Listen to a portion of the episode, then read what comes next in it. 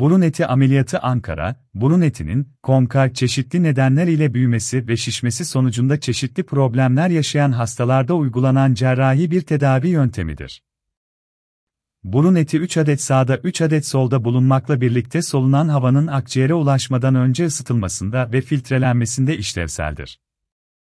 Ancak bazı durumlarda burun eti şişmekte ve normal hava akışını sekteye uğratabilmektedir. Burun etinin, konkaların, büyümesine neden olan faktörleri aşağıdaki şekilde açıklayabiliriz. Kullanılan çeşitli ilaçlar. Alerjik reaksiyonlar. Viral enfeksiyonlar. Sinüzit. Sigara kullanımı. Hava kirliliği. Yukarıdaki faktörler ile büyüyen konkalar, burun tıkanıklığına, yeterli oranda nefes alamamaya, ağız açık uyumaya ve çeşitli problemlere neden olabilmektedir. Burun eti büyümesinin günümüzdeki yaygın tedavi yöntemi cerrahidir. Burun eti büyümesi ameliyatı kaç saat sürer? Ankara burun eti büyümesi ameliyatı ortalama 15 ila 20 dakika sürmektedir. Ancak burunda başka amaçlar ile cerrahi yöntem uygulanması durumunda bu sürede değişiklik yaşanabilmektedir.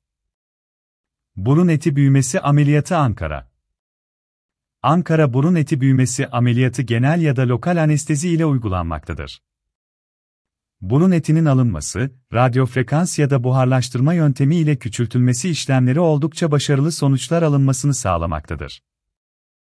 Burun eti büyümesi sonrası bakım Burun eti büyümesi Ankara ameliyatından sonra burun bakımı oldukça önemlidir.